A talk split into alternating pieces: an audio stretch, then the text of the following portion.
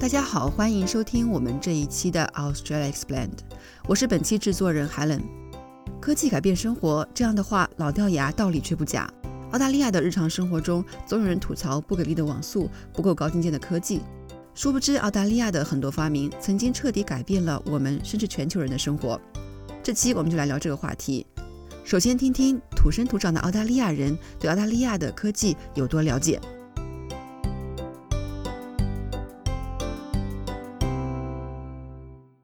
好像澳大利亚厉害的一些科技有很多蓝蓝牙还是 WiFi，有一些发明，嗯，大家都不知道是澳大利亚做的，嗯，然后很多也是在科技上面，还有在医疗上面做了一个很大的一个贡献。但是影响最多的人就是 WiFi，对吗？无线网。所以这个我在想，要是没有 WiFi 的话，那我们的生活都会很不一样，对不对？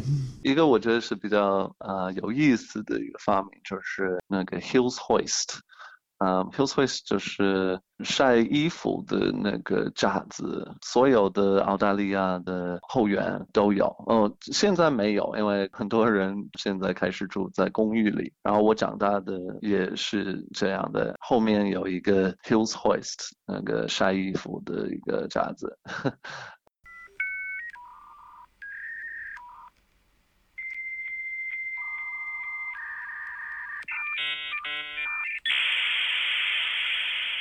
说到 WiFi，你还记得这样的声音吗？正是因为澳大利亚在 WiFi 方面的发明，让我们得以不再听到这样烦人的噪音。而查尔斯达尔文大学的王浩博士则严谨地认为，与其说澳大利亚人发明了 WiFi，倒不如说澳大利亚的一项专利优化了 WiFi 的效果。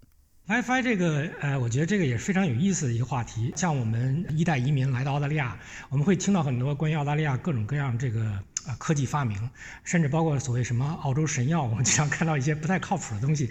关注这些科技发展的这些信息的话的人，可能有时候会听到另一个，就是美国有一个已经已故的一个好莱坞的呃女演员，她叫 Heidi Lama，他们我们经常会把她称为这个 WiFi 之母。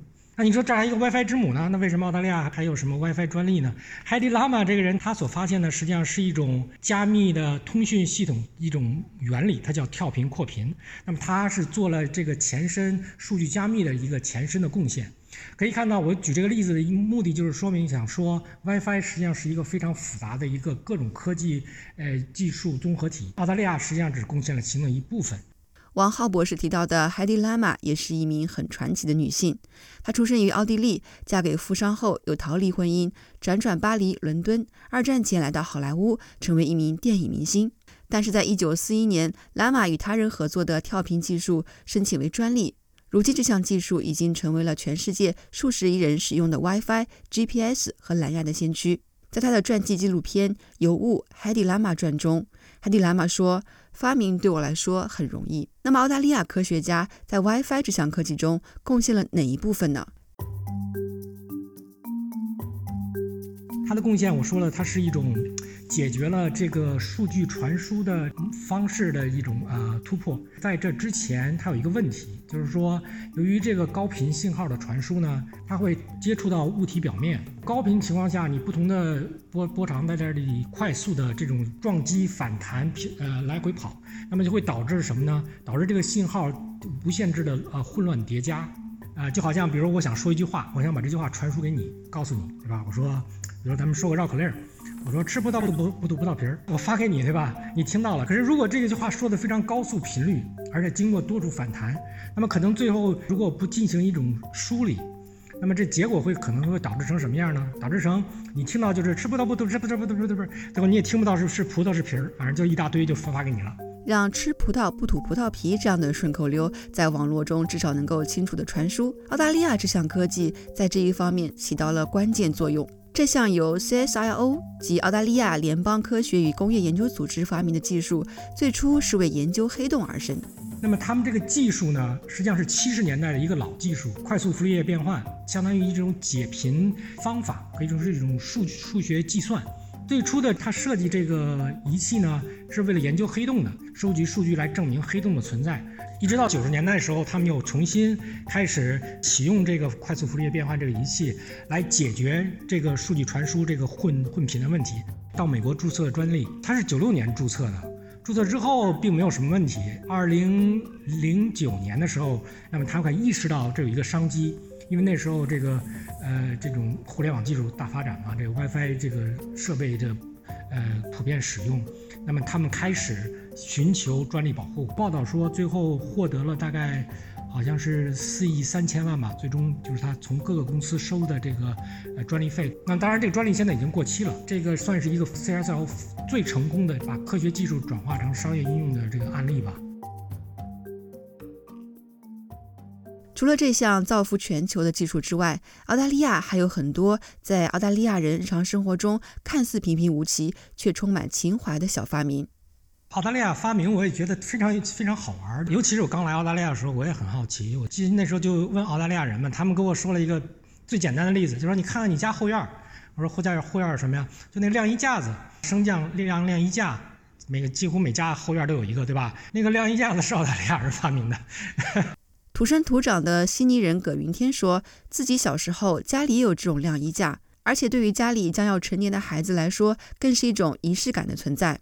呃，一个很有意思的事情就是，可能孩子们长大了以后，开派对的时候，会把一个我们叫做 green bag，这是一个有红酒的盒子，里面是一个塑料袋，绑在 Hills Hoist 上，然后每个人轮流把那个 Hills Hoist 转过来，他停的时候，在谁的前面，那个人就是要喝一口红酒。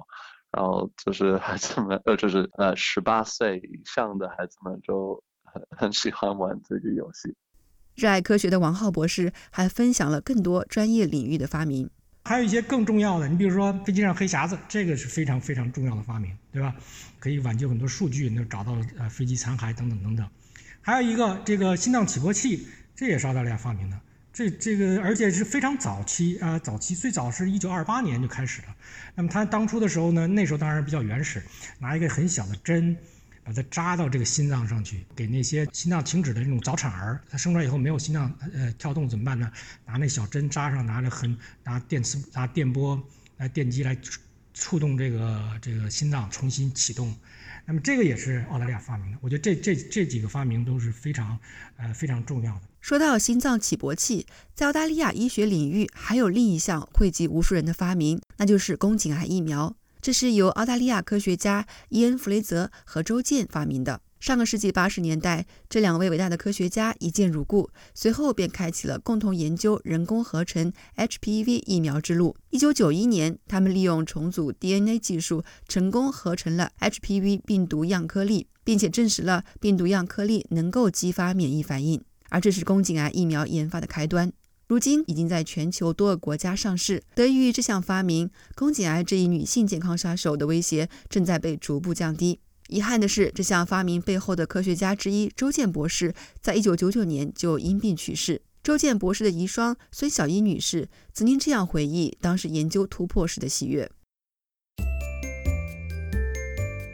所以那天我印象很深，他就拿了这个样本呢，他自己就跑去电子显微镜这个实验室去让人家看，一看看了他自己都傻眼了。电子显微镜底下真的合成一个病毒的颗粒出来。当时当然这个病毒颗粒不那么完善，但是你一看看到这个病毒颗粒，他就是兴奋的要命，赶紧赶回来把那个照片拿来。我们两个人一看，我我当时我也傻眼了，我说真的被你合成了一个病毒颗粒出来了。因为当时是我们的老板嘛，然后跑去 In process In Fraser 的办公室里敲他的门，告诉他，哇哦，In 说不得了，我们 HPV 的疫苗就可以成功啦！他当时就真是笑得嘴都合不拢。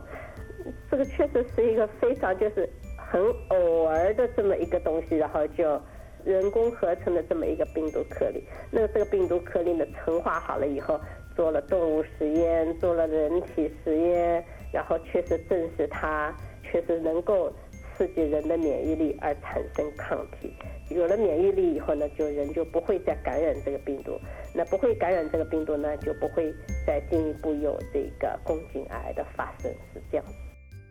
除了上面提到的这些，澳大利亚在近百年来还有很多了不起的发明，包括人工降雨、隐形眼镜、超声波扫描仪、胰岛素的生产技术、青霉素等等。